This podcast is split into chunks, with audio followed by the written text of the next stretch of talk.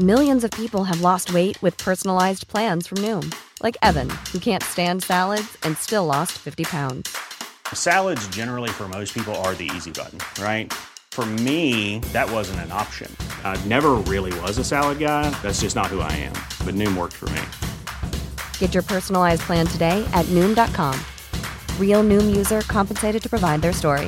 In four weeks, the typical Noom user can expect to lose one to two pounds per week. Individual results may vary. Ryan Reynolds here from Mint Mobile. With the price of just about everything going up during inflation, we thought we'd bring our prices down. So to help us, we brought in a reverse auctioneer, which is apparently a thing. Mint Mobile unlimited premium wireless. Ready to get 30, 30, bit to get 30, bit to get 20, 20, 20, bit to get 20, 20, bit to get 15, 15, 15, 15 just 15 bucks a month. So, Give it a try at mintmobile.com slash switch. $45 upfront for three months plus taxes and fees. Promo rate for new customers for limited time. Unlimited more than 40 gigabytes per month. Slows. Full terms at mintmobile.com. Hiring for your small business? If you're not looking for professionals on LinkedIn, you're looking in the wrong place. That's like looking for your car keys in a fish tank. LinkedIn helps you hire professionals you can't find anywhere else, even those who aren't actively searching for a new job but might be open to the perfect role. In a given month, over 70% of LinkedIn users don't even visit other leading job sites. So start looking in the right place. With LinkedIn, you can hire professionals like a professional. Post your free job on linkedin.com slash people today. Helt siden de første menneskene slo seg ned i Trøndelag, har det blitt observert underlige lys over Hessdalen. Fenomenet har blitt forsøkt bortforklart som syner sett av bygdetullinger og deliriske hallusinasjoner forårsaket av den lokale drikkekulturen. Men det skulle vise seg at fenomenet stakk langt dypere, når Hessdalen-fenomenet fikk verdensomspennende oppmerksomhet i ufo-miljøet på 1980-tallet. Fenomenet er fremdeles der, og det er fremdeles like uforklarlig som den gang. I 2024 kommer en podkastserie i seks deler produsert av Project Hessdalen, som kanskje en gang for alle skal finne svar på hva som rører seg på himmelen i denne bortgjemte dalen i Trøndelag. Serien har som seg hør og bør fått tittelen A Blaze in the Northern Sky, og den kommer til din favorittpodkastavspiller i 2024.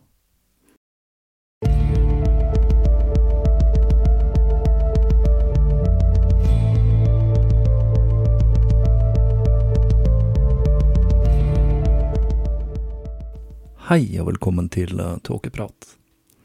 Jeg heter Even, og når jeg tar opp denne episode 219, er det torsdag den 25. mai 2023. Nå er det endelig duket for den fjerde delen i serien om Marquis de Sade. Det har tatt sin tid å få snekret sammen denne episoden, men det har skjedd et par ting i mellomtiden. Ikke så veldig mange spennende ting, kanskje, men jeg har likevel lyst til å dele noen av dem med dere lyttere. For det første så var jeg så heldig å ha en runde med omgangssjuke på selveste 17. mai. Denne herligste av sykdommer har jeg ikke hatt siden før pandemien, men nå som håndvask ikke lenger er på moten, så er denne gamle slageren tilbake igjen. Jeg registrerer at WHO har diarérelaterte sykdommer som nummer åtte på lista av dødsårsaker på verdensbasis, så det er jo litt stas, jeg må si jeg følte litt på den på selveste nasjonaldagen, som i år besto av ungdomsfyll, slåsskamper og bunadspoliti, om jeg skal tro norsk presse. Frisk og rask igjen så klarte jeg å gjøre en Eli Hagen. Lettere sliten etter en dag på jobb sto jeg parkert utenfor Coop Extra i Prinsdal. Der har de drevet med renovering av parkeringsplassen, og mellom to rader med biler er det boltet fast små betongblokker, og mellom de er det ca. 1,5 meter med løsjord. Jeg rygger ofte inn når jeg parkerer, siden sjansen for uhell er vesentlig større når man rygger ut fra en parkeringsplass enn når man kjører rett ut. Men denne gangen kjørte jeg inn med snuta først. Når jeg kom valsende ut fra butikken og satte meg inn i bilen, kjørte bilen som sto foran meg ut, og rent instinktivt så kjørte jeg rett fram, men jeg hadde jo glemt disse betongklossene, og de var ikke synlige fra der jeg satt i førersetet. Så sa det bunk, og plutselig kom jeg på at de var der. Jeg forsøkte å rygge, men jeg satt bom fast. Og så forsøkte jeg å åpne døren, men den satt også plutselig fast, og jeg måtte sveive ned vinduet og be en forbipasserende om hjelp til å åpne bagasjerommet så jeg kunne legge ned setene og kravle ut der. Når jeg kom ut, så jeg at bilen min sto elegant plassert med forhjulene over betongklossene, og at disse klossene hadde løftet opp listene på bilen sånn at dørene ikke kunne åpnes.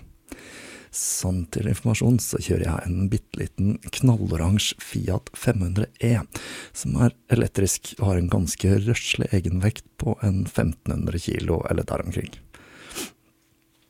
To kvinner kom til stedet og spurte om de kunne hjelpe til. Og ikke minst så fortalte de at dette skjedde omtrent tre ganger i uka. Jeg var i hvert fall ikke den første som hadde klart dette småflaue stuntet, og det hjalp jo litt på selvtilliten. Jeg la noen plankebiter og slikt under dekkene, og så fikk jeg øye på to anleggsarbeidere og spurte om også de kunne hjelpe til. De gutta trakk litt på det og lirte av seg noe sånt som ja, vi kan jo skade bilen, så jeg tror vi må si nei til det. Hvorpå jeg påpekte at det var to damer som allerede var klare til å ta i et tak, og det var litt stusslig om de skulle bare stå og se på. Og det fikk fart på dem, men bilen, den var ikke til å rikke. Den gravde seg bare dypere og dypere ned i løsmassen, så til slutt så bestemte jeg meg for å gi opp og ringe Viking. Jeg satte meg på en stein mens tilfeldig forbipasserende knipset bilder av bilen min. Det hjelper ikke akkurat å ha en skrikende oransje bil, og dette er ikke mitt stolteste øyeblikk, det må jeg vel kunne si, så tiden den sneglet seg av gårde. Etter en times tid kom et ektepar i en stasjonsvogn. De lurte på om det var min bil, noe jeg svarte bekreftende på.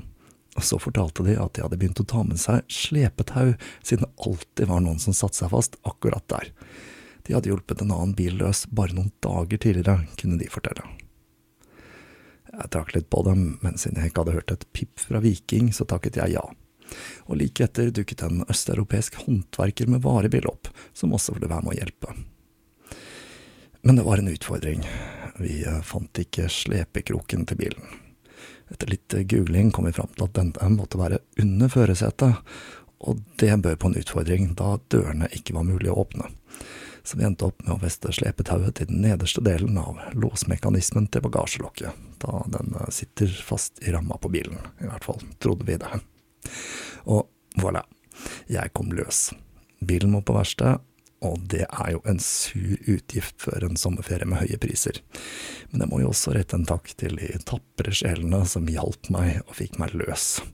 I det minste så havnet ikke jeg på forsiden av landets aviser slik som Eli Hagen, selv om jeg følte meg sikkert minst like dum. Hadde jeg bare bodd i USA, så kunne jeg nok tjent meg rik på dette, siden denne bilfella på parkeringsplassen ikke er markert eller skiltet på noen som helst måte. Men nå skal jeg slutte å rable her, og så skal vi komme i gang med den fjerde delen i serien om Marquis de Sade.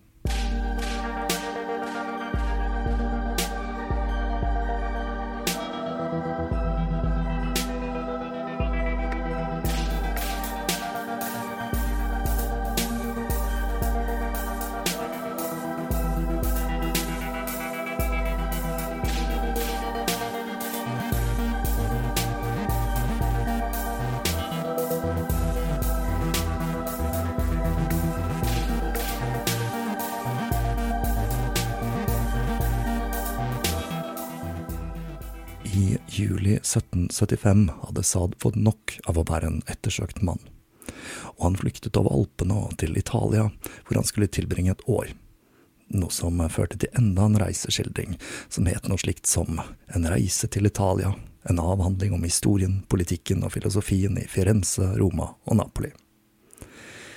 Vi skal ikke gå så veldig inn i detaljene om denne reisen, eller boka som ble et resultat av den.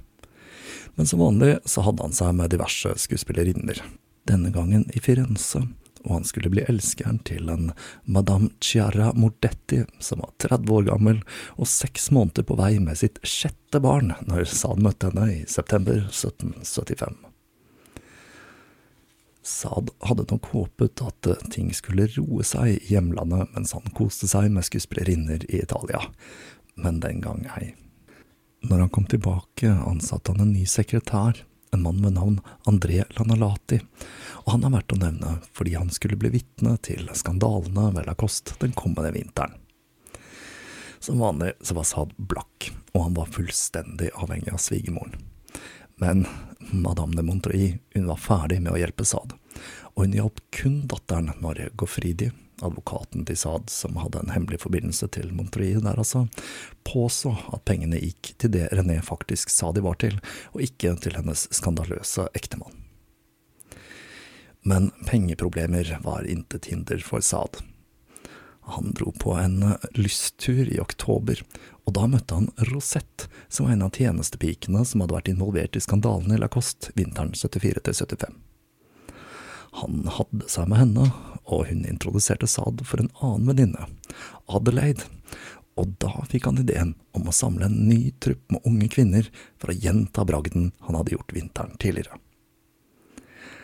Han klarte å ansette den 22 år gamle Katrine som kokke.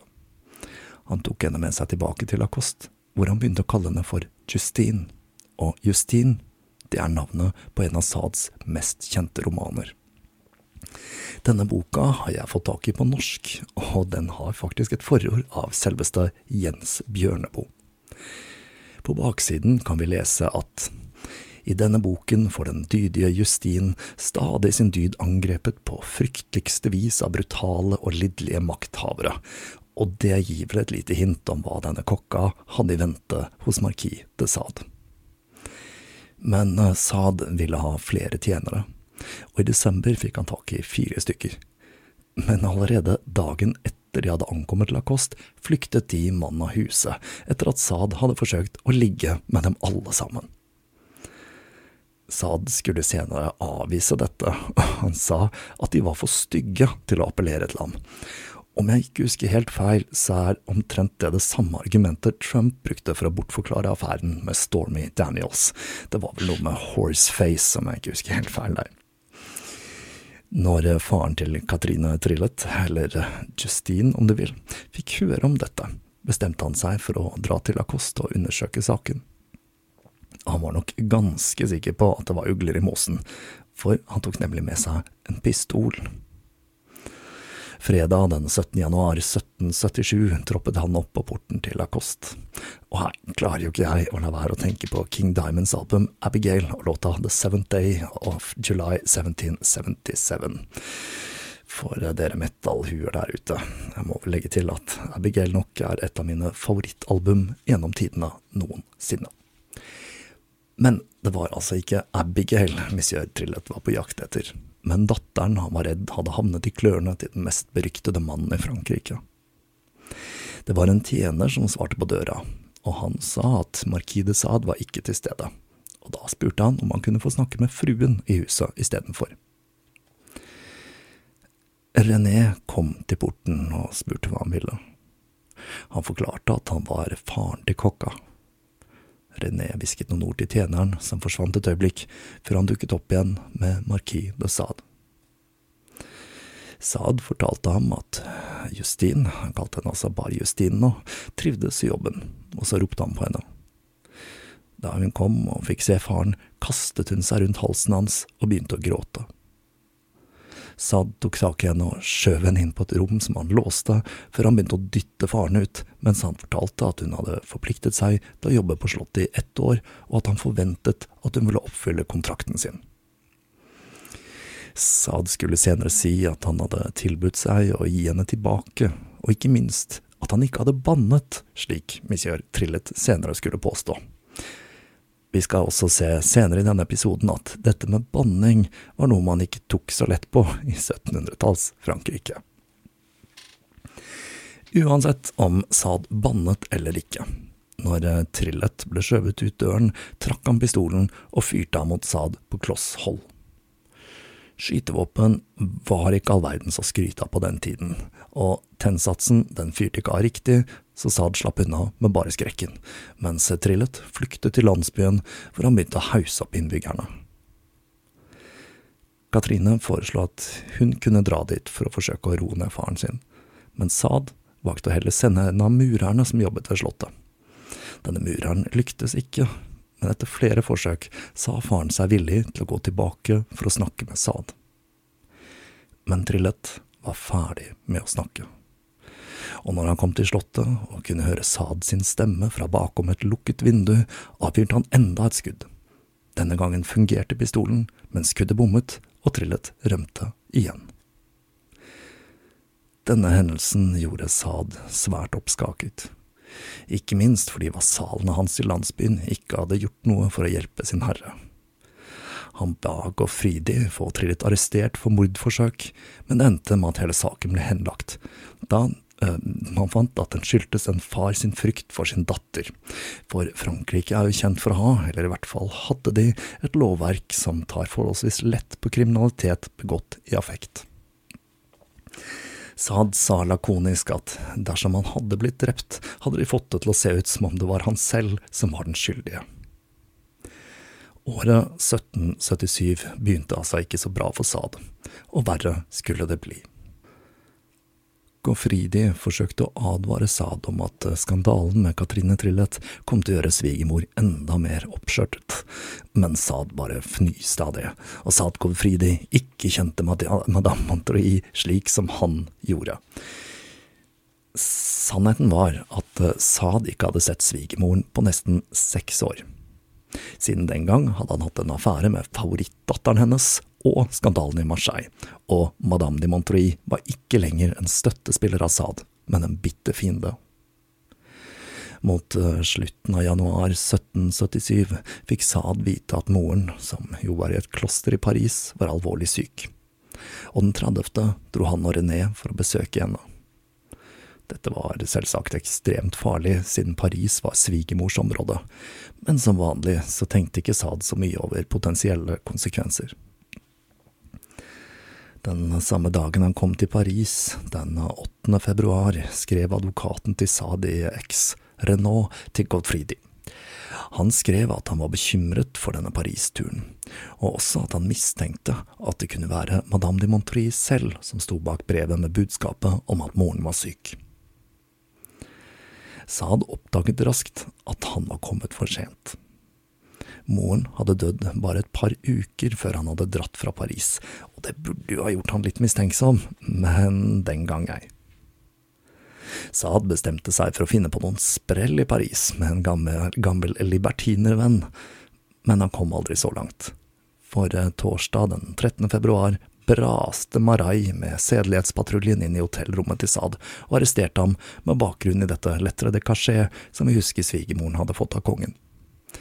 Han tok med seg markien og fraktet ham rett til Vincennes, hvor han ankom en mørk vinterkveld. Senere skulle Saad påstå at han visste at svigermoren hadde dette trikset på lur, men at han gjorde som Cæsar og heller ville se farene rett i ansiktet framfor å unngå dem. Det høres vel ikke akkurat ut som sa det der, men den sammenligningen med Cæsar, den tror jeg jeg skal ta med meg til en passende anledning. De enorme jerndørene lukket seg bak Saad, som ble ført gjennom festningsverket og opp i et tårn hvor han ble fengslet i en enecelle. Det eneste dagslyset han så, kom fra to små glugger med jerngitter. Han så kun andre mennesker når han fikk mat, i ti minutter til et kvarter hver dag. Det eneste utløpet han hadde, var brevskriving, i tillegg til onani, da, noe vi kommer mer tilbake igjen til senere. Saad var helt alene. Den eneste allierte han hadde på utsiden, var René. Madame de Montreuil på sin side gjorde det hun kunne for å fjerne alle bevis fra Lacoste. For barnebarna, som hun sa det selv. Den 3. juni fikk hun blant annet fjernet, fjernet en rekke papirer og noen objekter hun fryktet var seksuelle apparater. René ante ikke hvor det var blitt av mannen. Hun fikk kun ha kontakt med ham via sensurerte brev som måtte sendes med politiet. Før han ble fengslet, hadde Saad lært sin kone å skrive med usynlig blekk. Det vil si det gamle Mickey Mouse-detektivtrikset der man skriver med sitronsaft som blir synlig når man varmer arket på et stearinlys. På denne måten fikk hun etter hvert nyss om hvor ektemannen var fengslet. Saad skrev og skrev. Han skrev et rasende suicidalt brev til madame de Montreuil, som forble ubeveget av utbruddet. Hun var derimot veldig opptatt av å sørge for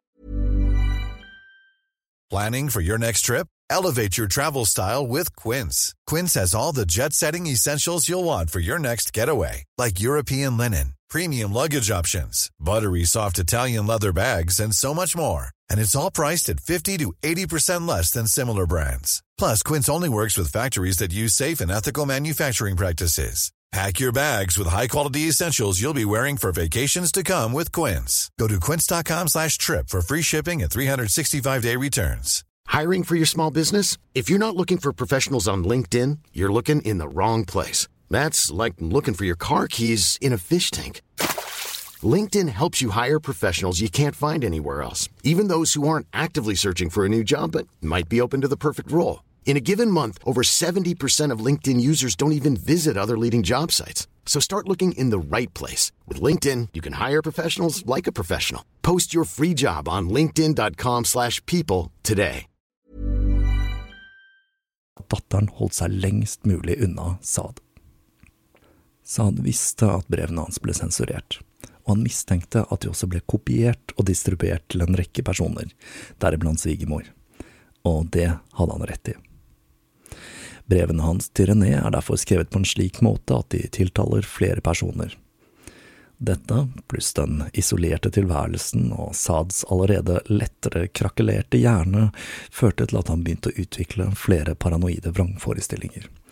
Som en konspirasjon som involverte hans kone, den eneste som jo faktisk var på hans side. Marquis de Sade var fremdeles ventet å møte opp foran domstolen i X for å stå til rette for anklagene om sodomi og forgiftning i Marseille.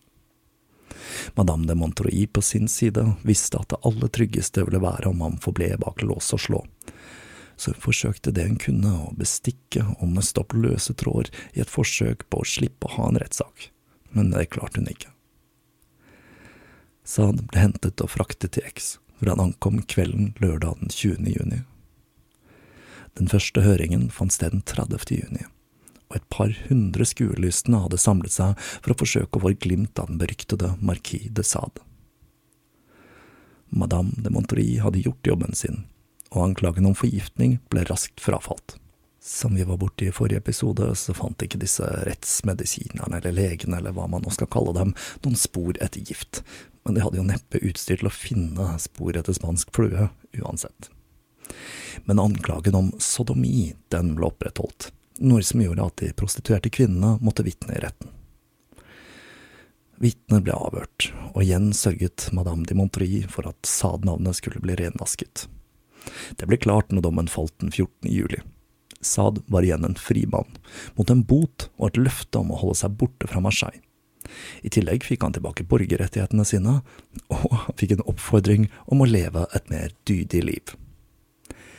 Men han hadde ikke regnet med svigermor. Hun visste hva utfallet av saken kom til å bli, og hun hadde fremdeles sitt lettere til kasjé. Og med det i hånd skulle hun sikre at han forble bak murene.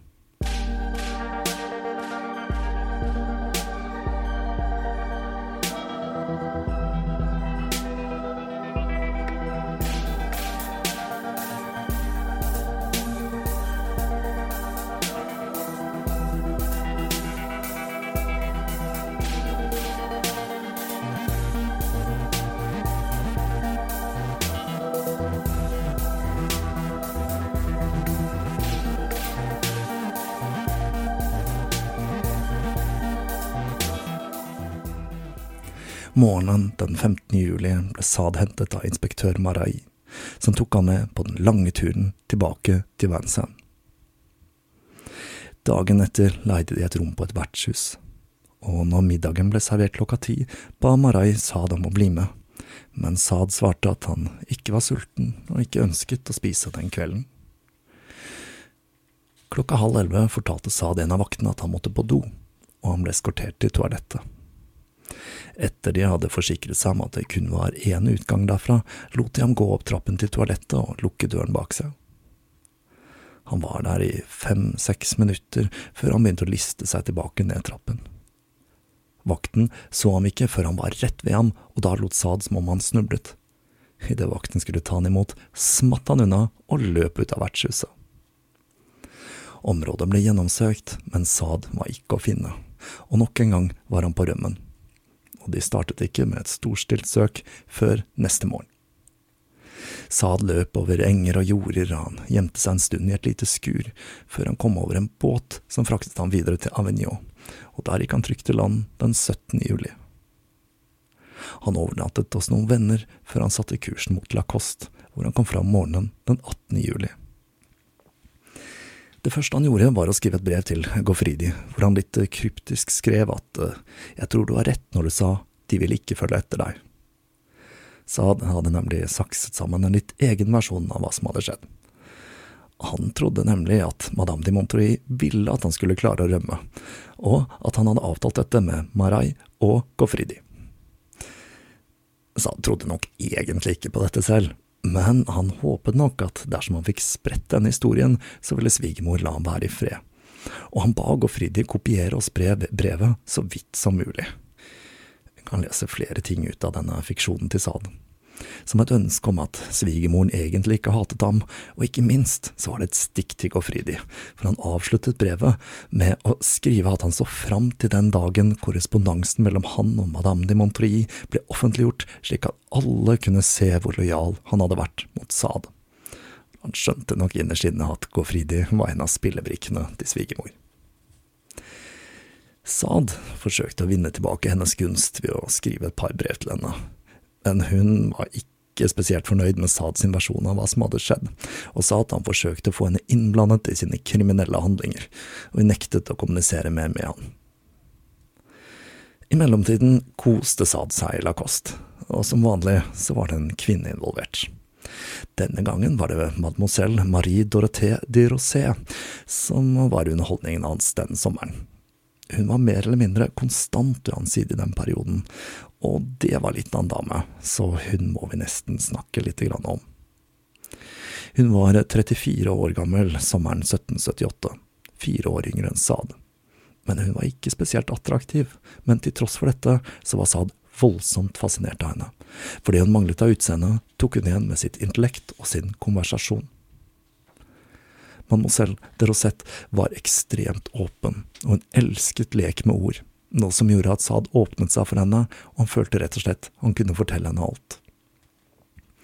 Det hele startet nok som en romantisk affære, men det skulle utvikle seg til et dypere forhold mellom de to i løpet av hennes korte liv.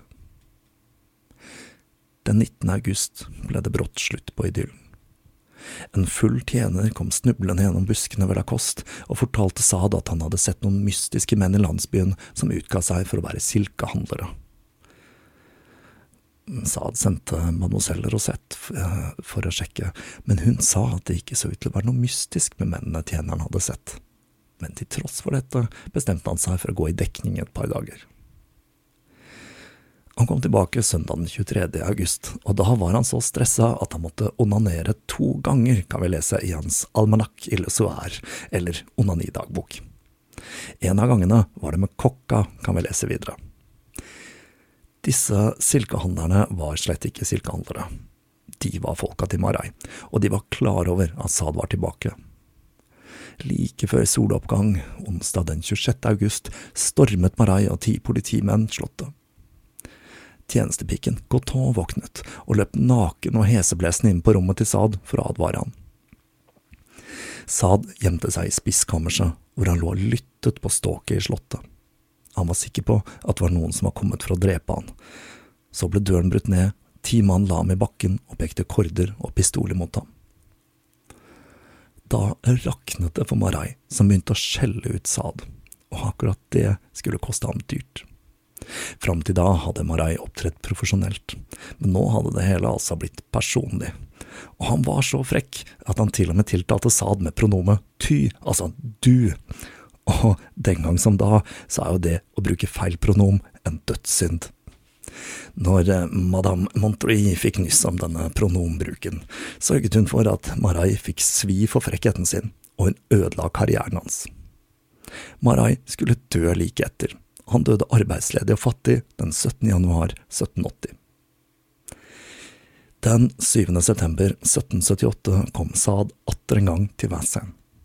Og enda en gang hadde ingen fortalt det til René, som skrev til Gofridi og fortalte at hun var i bedre humør enn på lenge siden mannen endelig var fri. Når det nærmet seg jul, fikk Saad julekort fra barna, sønnene Louis Marie på elleve og Donny Ten Claude Armand på sju, men ikke fra datteren, for hun var nok for ung til å kunne skrive selv. René skrev at hun håpte at datteren ikke kom til å bli så stygg når hun vokste opp, men Saad var ikke fornøyd når han selv fikk se henne i 1790. Da sa han at hun var akkurat så stygg som han hadde forestilt seg. Og flott far, han Sad. sa det. Livet til René det ble ikke akkurat enklere med mannen bak murene. Dagene hennes dreide seg om å utføre diverse ærender for Saad, og hun fikk stort sett bare klage til takk. Mademoiselle Rosette hadde inntatt en aktiv rolle i Saad sin skjebne, og hun mente at René hadde noe av skylda for at Saad satt fengslet. Hun sa at det hele dreide seg om penger og innflytelse, og at René var som et uskyldig barn når det kom til de tingene. På sin side forsøkte hun å muntre opp Saad med flørtende brev. Hun forsto personligheten hans, og hvordan han så på alle forhold, intellektuelle som seksuelle, som en maktkamp, med en underdanig og en dominant part. Mademoiselle de Rosette skulle faktisk lyktes med å få noen innflytelsesrike mennesker på Saad sin side, men hun skulle også oppdage at ryktet til Saad var så svertet at ved å hjelpe ham risikerte man sitt eget vel og ve. Den gang som i dag var ryktet til mannen større enn virkeligheten. Mens eh, Saad satt i fangenskap, begynte det å gå ei kule varmt fram, og han begynte å få en rekke vrangforestillinger og ideer om skjulte beskjeder, spesielt i tall, med ting som betydningsfulle datoer osv. Han trodde han kunne lese om konspirasjonen som holdt han fanget på denne måten, men jeg tror ikke vi skal gå så i dybden på akkurat det men det er en grei tanke å ha i bakhodet når vi skal se litt nærmere på hans almanakk illusuær, eller onanidagbok. Dette var en ren statistisk oversikt over ulike seksuelle aktiviteter han foretok seg bak murene. Det er jo ikke så vanskelig å forestille seg at Saad med sitt allerede kompliserte sexliv fikk noen utfordringer når han satt i fangenskap. Den 1. desember 1780 kan vi lese at han fram til da, siden han kom tilbake til Vincennes, altså, hadde hatt 6536 introduksjoner. Om dette hadde vært onani som resulterte i orgasme, så hadde det vært litt mye, for det utgjør, utgjør åtte ganger om dagen. Og det ville jo vært litt vanskelig for Saad, som vi jo vet hadde smertefulle orgasmer. Neida, dette her dreide seg om analsex med ulike dildoer for dette skulle bli en besettelse mens han satt fengslet. Jeg sa jo at det kom til å bli mye sodomi i denne serien. Saad noterte seg lengden og tykkelsen på de ulike gjenstandene eller prestisjene han brukte, og det var René som fikk æren av å skaffe disse til veie. Hun måtte oppsøke glassmestere for å få laget disse dildoene etter Saads nøyaktige spesifikasjoner. I brevene omtales disse som lommeflasker, og René måtte dra fra glassblåseri til glassblåseri for å finne noen som ville lage disse mystiske flaskene. De forsto godt hva flaskene skulle brukes til, og glassmesterne trodde selvsagt de var til René selv. Noen lo og lagde det hun ba om, mens andre nektet når de så de ekstreme spesifikasjonene til Saad. I tillegg til glassdildoer likte Saad å tilfredsstille seg selv med læretuier i anus, av den typen man bruker til å ha nåler eller penner i. Det er vel det man kaller pennal, det, da.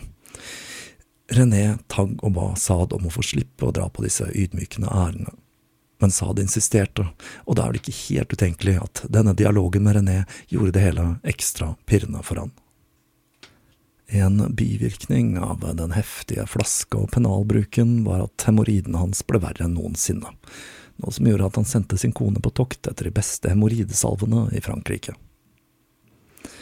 Men det var ikke onani og brevskriving alene som gjorde at han klarte å holde tilværelsen bak murene. Det var på denne tiden Saad for alvor begynte på sitt forfatterskap.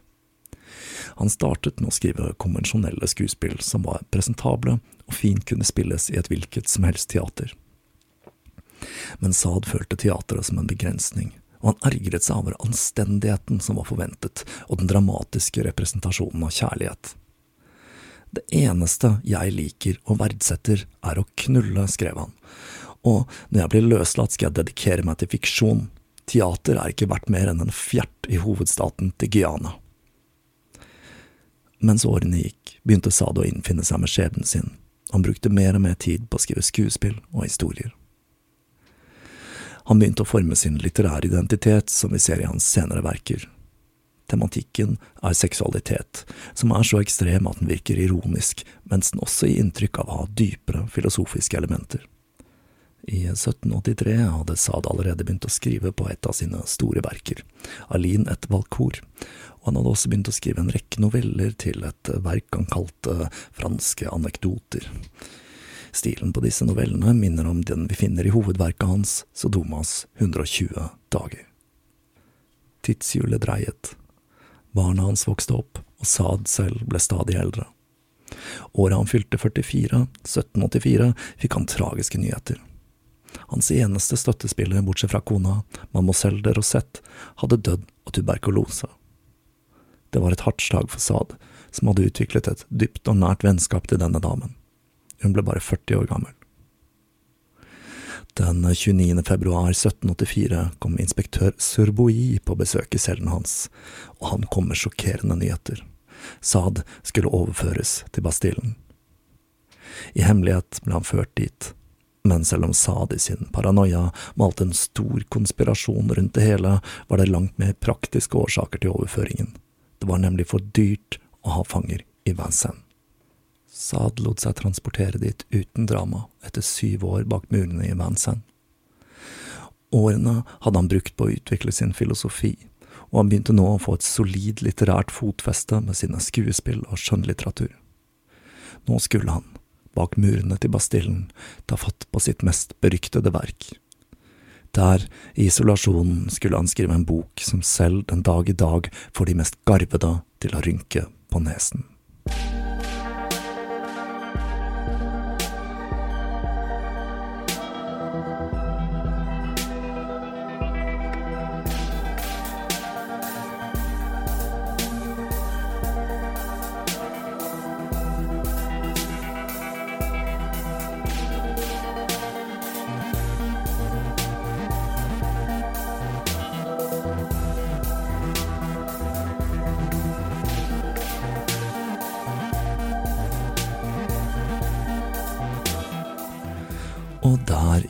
Oss for denne gang. Dette blir altså en alvorlig lang serie, og jeg ser for meg at det blir hele to deler til. Jeg tenker som så at det neppe vil bli flere serier om Marquis de Sade, så da kan jeg like så godt gjøre det skikkelig nå som jeg først er i gang. Forhåpentligvis blir det litt kortere tid til den delen, og forhåpentligvis blir det en periode uten omgangssyke og skakkjøring med bilen. Enn så lenge vil jeg takke alle patrions, alle som har donert, alle som har handlet i nettbutikken, og ikke minst deg som hører på. Jeg registrerer at lyttertallene mine peker oppover etter jeg var med på trygdekontoret, og det varmer hjertet mitt når jeg får høre fra nye lyttere som sier de har fått en ny favorittpodkast. Jeg håper at også dere kan være med på å spre det glade budskap om denne uavhengige norske diamanten av en podkast. Vi høres igjen om ikke lenge.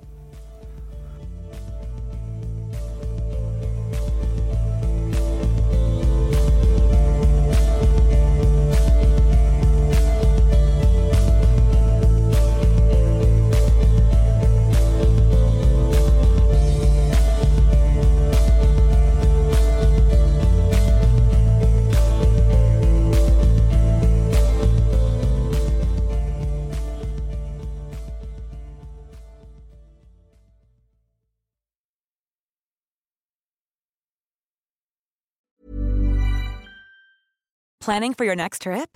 Elevate your travel style with Quince. Quince has all the jet setting essentials you'll want for your next getaway, like European linen, premium luggage options, buttery soft Italian leather bags, and so much more. And is all priced at 50 to 80% less than similar brands. Plus, Quince only works with factories that use safe and ethical manufacturing practices. Pack your bags with high-quality essentials you'll be wearing for vacations to come with Quince. Go to quince.com slash pack for free shipping and 365-day returns. Support comes from ServiceNow, the AI platform for business transformation. You've heard the hype around AI. The truth is, AI is only as powerful as the platform it's built into. ServiceNow is the platform that puts AI to work for people across your business, removing friction and frustration, for your employees, supercharging productivity for your developers, providing intelligent tools for your service agents to make customers happier. All built into a single platform you can use right now. That's why the world works with ServiceNow. Visit servicenow.com/slash AI for people to learn more. ACAST powers the world's best podcasts. Here's a show that we recommend.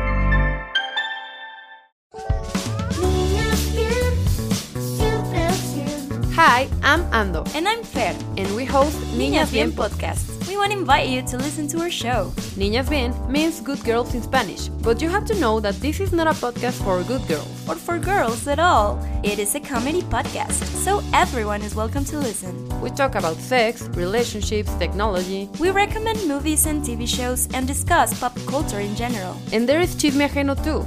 A section we have just to gossip about everyone. So you'll find something you like here. And you'll practice your Spanish. The cleanest Spanish you'll find, we promise. And if you already hablas español, vamos, vamos a ser tus, tus nuevas, nuevas amigas. amigas. We'll be your friends for the non-Spanish speakers. New episodes every Monday and Thursday. Hosted by Acast and available to all audio platforms.